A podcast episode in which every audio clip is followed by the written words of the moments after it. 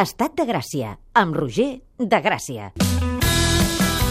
Diuen que en l'amor i en la guerra tot s'hi va. Ah, sí? Que qui ho diu? Nosaltres, què passa? Vale. Vale, vale. I també ho diu, i ben convençut, l'home que parlarà a continuació. Que d'històries d'amor no ho sabem, però d'històries de guerra en té per parar un tren. Donem la benvinguda amb un fort aplaudiment al nostre coministre d'Afers Humans, Qui és? Eloi Vila, i les seves trinxeres. Molt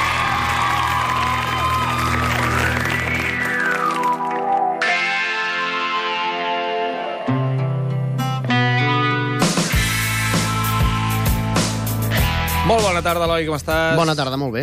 Escolta'm, la setmana passada l'Eloi Vila, ja ho sabeu, a les trinxeres ens va explicar eh, i ens va repassar alguns VIPs, entre cometes, gent coneguda que havia estat a la Sí. Guerra Civil a un bàndol i a un altre. Correcte. I quan vam acabar la secció, vam rebre missatges. I vam què va passar? Vam rebre missatges, vam rebre missatges d'un oient que ens deia, escolta, no veu trobar catalans que lluitessin al bàndol franquista, que n'hi havia molts. I Clar. evidentment que en teníem, i evidentment que, que n'hem trobat, i evidentment que ho explicarem. I ho explicarem ara, si et sembla bé. Oh, i tant. Explicarem ara eh, història de catalans que van lluitar amb, amb el bàndol franquista. I per començar, hem d'escoltar aquesta cançó.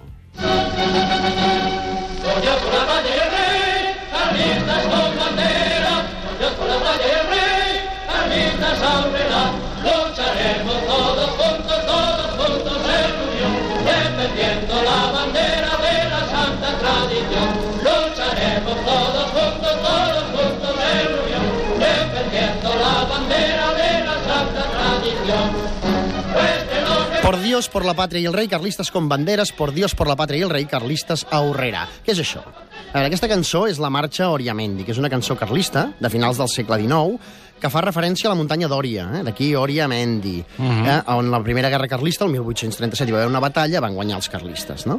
I van fer aquest himne que eh, es va convertir en l'himne carlista i que van utilitzar els terços de requetés durant la Guerra Civil. Va ser un dels cants de guerra, eh? un dels cants de guerra de l'exèrcit franquista. Per, per, per començar, t'he de dir que la lletra és una mica justeta, també t'ho diré, eh? perquè por Dios, por la patria i el rei... Vale, fins Que eren aquí. els valors carlistes. Fins, fins aquí, ok.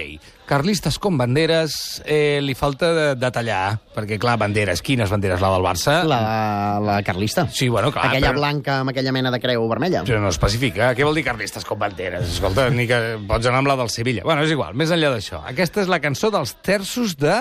de, Requetés. de Requetés. Sí, és una cançó carlista, és com en l'himne carlista, i que l'adapten als terços de Requetés, converteixen en un cant de guerra que cantaven les trinxeres els terços Lucharemos de Requetés. todos juntos, todos juntos en unión, defendiendo la bandera de la santa tradición. Correcte. Llavors, què és un terç de requetés? Per això és el, el primer que hauríem d'aclarir. Són unitats paramilitars de voluntaris que tenen aquest origen carlista i van lluitar amb l'exèrcit franquista a la Guerra Civil. No? Quin era el seu objectiu? No? Doncs posar fi, evitar que hi hagués un estat marxista i defensar l'Església Catòlica i la tradició monàrquica. Per tant, els carlistes, eh, tradicionalistes al màxim. Per tant, unitats paramilitars vol dir civils que tenien armes.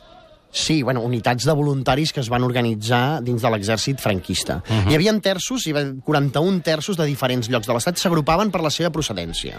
Llavors, aquests terços eren batallons eh, i s'anomenaven terços perquè un batalló tenia 768 homes dividits en tres companyies, eh, uh -huh. i cada companyia 246 soldats. No? Llavors, segons la seva procedència, eh, tenien un nom o altre. Hi havia, per exemple, el, el, el Terç Oriamendi eren de, de, eren de requeters del País Basc, no? Sí. Doncs n'hi havia de catalans. I els catalans eh, s'agrupaven en el terç de la Mare de Déu de Montserrat, que també tenien el seu propi himne particular. Atenció. Aquest.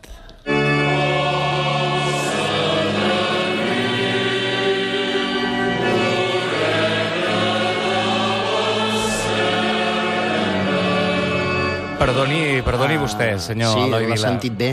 Però això és el virulai. Això és el virulai. El virulai. Sí. M'estàs dient que les unitats paramilitars eh, d'origen carlista catalanes, Mhm. els terços catalans que anaven a lluitar amb els franquistes, tenien el virulai com a himne. Sí, el van adoptar com a himne oficiós i, de fet, el cantaven a les trinxeres abans d'entrar en combat, que van entrar en molts combats. Ai, la mare. Perquè els Però quina terços... volta ha fet el virulai? Ens ho acabaràs explicant com, I tant, com i fa- arriba a fer la volta i, del i tant, revés? us explicaré com i ara, mitjó? ara mateix hi farem la volta sencera com un mitjó. Uh, el Virulai, que com deia cantaven a les trinxeres, eren, uh, aquesta unitat dels terços la van cantar molt perquè van entrar molt en combat. Eren unitats petites, dinàmiques, efectives, i per tant van estar tots els fronts de la Guerra Civil, no? I per tant també van arribar a la batalla de l'Ebre, i allà van viure una de les desfetes més sagnants tocant a Vilalba dels Arcs, a una cruïlla que es diu Quatre Camins, quan els deixen pràcticament sols i desemparats l'exèrcit franquista i han de recuperar una posició, que és Punta Targa, on hi ha eh, l'exèrcit republicà i allà hi ha un combat molt fort i els requeters eh, pateixen una desfeta molt gran, el, van quedar una estesa de pràcticament dues terceres parts del terç va quedar aniquilada i queden allò en el camp de batalla, que és una distància entre 200 metres entre dos tronets, uh. -huh. quatre camins on hi havia els terços de requeters i Punta Targa on hi havia els, els republicans. I ara allà hi ha un via crucis, hi ha un, moviment, un monument d'homenatge al terç de requeters de la Mare de Déu de Montserrat. I un dels soldats, que va ser Vilalba dels Arcs, que el van ferir abans d'entrar en combat aquí a Punta Targa, és el Salvador Puntí, que és de Vic, era de Vic, i té una història molt maca.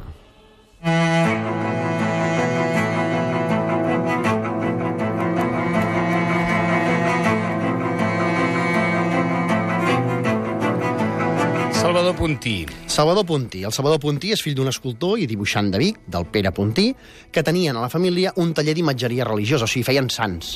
Eh? Feien sants. El, el pare, el Pere Puntí, pateix la repressió de la violència revolucionària l'any 1936 i l'empresonen a la Model a Barcelona. El fill s'espanta i decideix marxar. Per por, decideix fugir i a Vic hi deixa la dona, la Maria, i un fill, que es deia com l'avi, Pere, Uh, marxa a peu de Vic, uh, s'amaga de dia i caminen de nit, eh? i va amb un cosí seu. Creuen la Pobla de Lillet, Guardiola de Berga, la Collada de Tosses, fins a arribar a Oceja, a la Cerdanya francesa. Creuen la frontera per, per Oceja. I, finalment, el 7 de novembre del 37, arriba a Endai, al País Basc, també després d'un llarg periple. I a Donosti s'allista el terç de la Mare de Déu de Montserrat.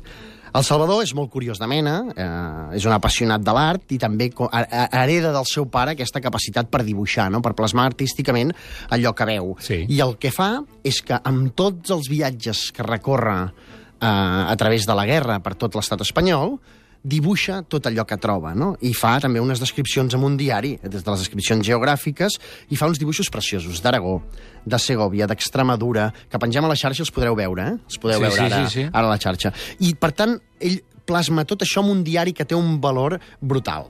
Quan és Extremadura, ell és conscient que no sap com acabarà aquella història i dona aquell diari, aquell quadern amb dibuixos i les explicacions de la guerra, a un capellà de Vic, que sap que ha de tornar a casa, perquè li dongui la seva dona Un capellà de Vic que és Extremadura. que és a Extremadura uh. -huh. durant la guerra. Li dona aquest diari i el capellà l'entrega a la Maria, la seva dona, a Vic. Quan acaba la guerra, en Salvador, que hi lluita fins l'últim dia amb la caiguda de Madrid el 28 de març del 39 i després acaba al Mansa, torna a casa, refà la seva vida amb la Maria, la seva dona, i té sis fills més. Eh? I recupera el diari. D'acord. I recupera el diari i escriu Arribats al Mansa, passàrem allí uns quants mesos descansant fins que arribà la llicència, la qual em retornà la pau i el benestar de la família. Déu faci que sia per molts anys i per sempre. I el guarda en un armari.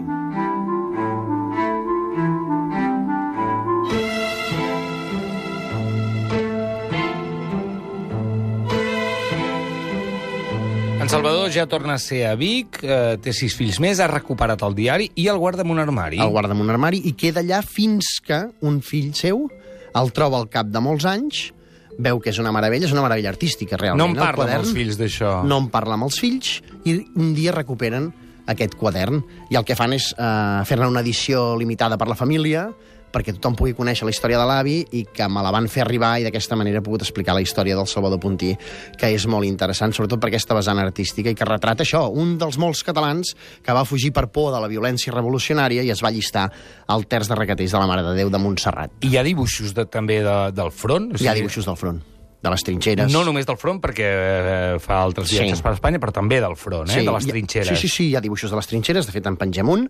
Uh, hi ha dibuixos de, de la realitat quotidiana al mig de, dels camps de Segovia amb un pastor i, i, i hi ha dibuixos de bombardejos de, de pobles allò bombardejats i aquests dibuixos els podem veure penjant a les Que bo, xarxes. perfecte. Eh? Per tant, és una història que és preciosa, no? perquè ell el que va aconseguir després de la guerra és poder tornar a Vic i ser el que volia ser, professor de dibuix a l'Escola Municipal de Dibuix de, de Vic. No?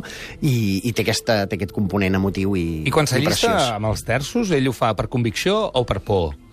O les dues coses? Ell marxa per por i s'allista per convicció, clar. S'allista mm. per convicció, per defensar eh, aquest tradicionalisme no? vinculat a l'Església i monarquia. Després, quan acaba la guerra, eh, entre els terços i el franquisme hi ha un cert allunyament per dos motius. Primer, perquè veuen que el franquisme eh, no té massa intenció de recuperar la monarquia. Mm?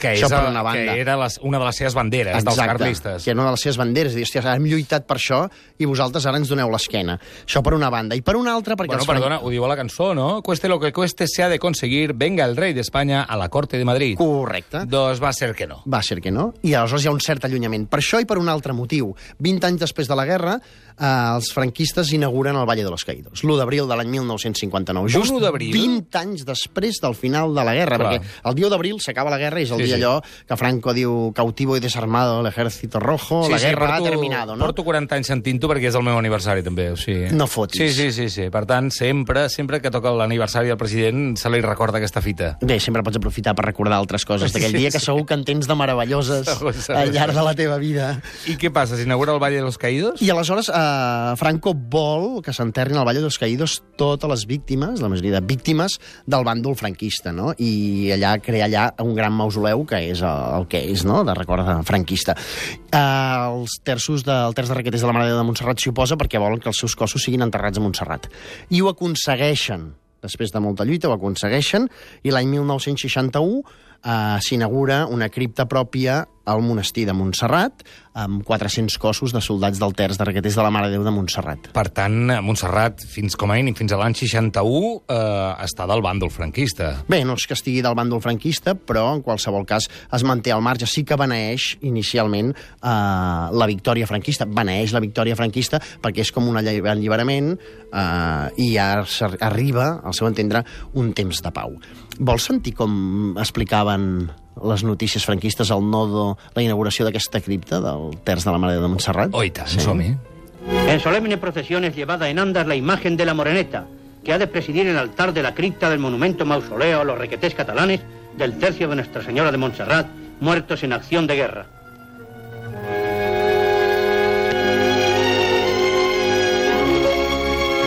Los supervivientes del tercio la trasladan hacia la Plaza de los Apóstoles, donde está enclavado el citado monumento. En la cripta reposan los restos de 400 requetés que dieron su vida por Dios y por la patria en la Cruzada Nacional. Así, la Santa Montaña de Montserrat ha sido nuevamente escenario de una emotiva jornada de fervor patriótico.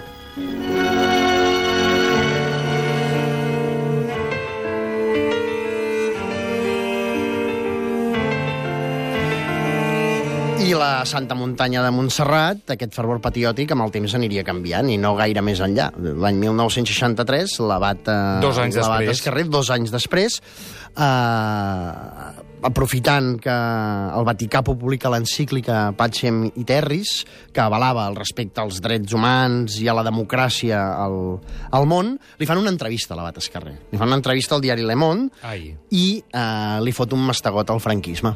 L'abat Esquerrer eh, el que desitja és una societat que defensi la justícia social, la llibertat, la democràcia i la identitat catalana, per tant, tot allò que no defensava el franquisme. Ai, no? ai, ai, ai, ai. El règim s'emprenya molt. Home, tu diràs. I, home, per exemple, una de les coses que va dir, va dir, quan la llengua es perd, la religió també tendeix a perdre's, no? i ho va vincular a l'àmbit espiritual i religiós per Això defensar. ho diu a Le Monde, eh? Això ho diu a Le Monde l'any publiquen a Le Monde el 1963. 1963. Sí. I ho llegeixen els franquistes i diuen, jep, Sí. I aquí, eh, diguéssim que Montserrat agafa un altre, un altre impuls i es converteix en el símbol de la lluita antifranquista des de l'àmbit religiós. I, per exemple, doncs, hi ha el, el 70, la tancada dels intel·lectuals a Montserrat, que va ser l'embrió de l'Assemblea de Catalunya, i, curiosament, durant aquests anys de lluita antifranquista, el Virolai, ara...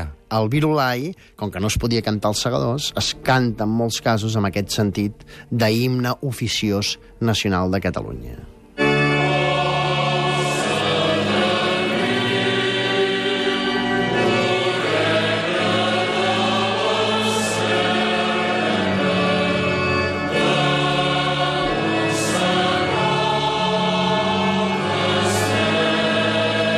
El Virolai, eh, eh, per a un roto i per a un descosido, no? Vull dir, Correcte. Primer per un bàndol i després eh, per un altre.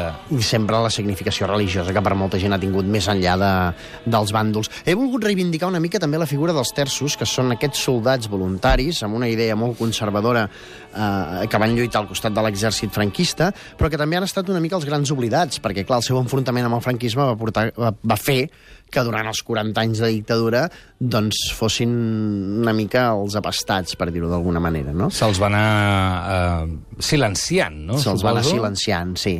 I això de tenir en compte doncs, que hi van haver-hi uns 2.500 catalans que van estar lluitant amb el terç de la Mare de Déu de Montserrat eh, el, durant els 3 anys que va durar la Guerra Civil. Recordem que el terç era això, eh, 700 eh, i pico soldats dividit en tres companyies de 200 i pico, que sumen els 768, em sembla. Per Si tant, no la història del. Salvador Puntí no és única. Estem parlant de, com a mínim, 240 companys més que s'apunten als terços des de Catalunya. No, no, bueno, durant els 3 anys de guerra és el que et deia, fins a 2.000 i pico de, de soldats, perquè clar, el terç eh, van haver-hi haver baixes, eh, van anar variant, i, i al final de la guerra doncs, va haver-hi això, uns 2.000, més de 2.000 soldats que van lluitar al costat del terç de la Mare de Déu de, de Montserrat, defensant això, no?, la pàtria, Déu i el rei, no? Aquests eren els, els tres, eh, diguéssim, els, els, els tres elements que sustentaven el tradicionalisme carlista. Tu saps per què es deia els terços de requeters?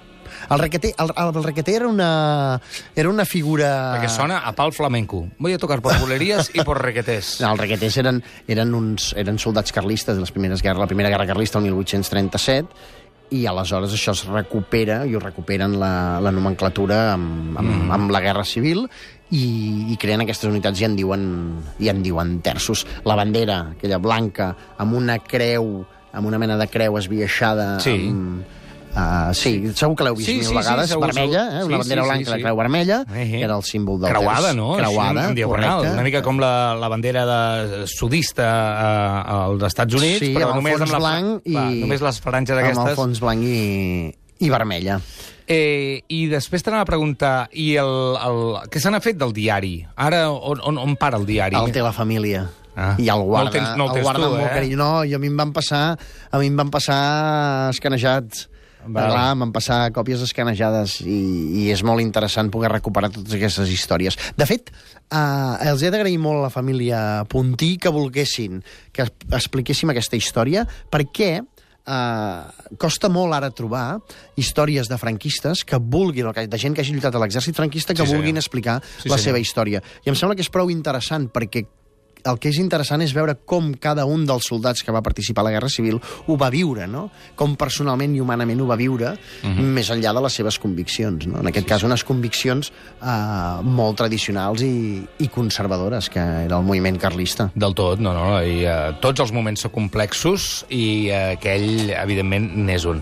Uh, Eloi, un, un plaer, de veritat. Uh, un dia més a les trinxeres de l'Estat de Gràcia. I Una- si la gent vol que expliquem coses, Clar. que ho demani i la mesura que puguem explicarem. I tant, aquí Si ho estem. sabem, si no, el que no sabem no ho podem I explicar. tant, ja ho sabeu, arroba Estat de Gràcia via Twitter o estatdegràcia arroba catradio.cat. Una abraçada. Vagi bé. Fins ara. Adéu.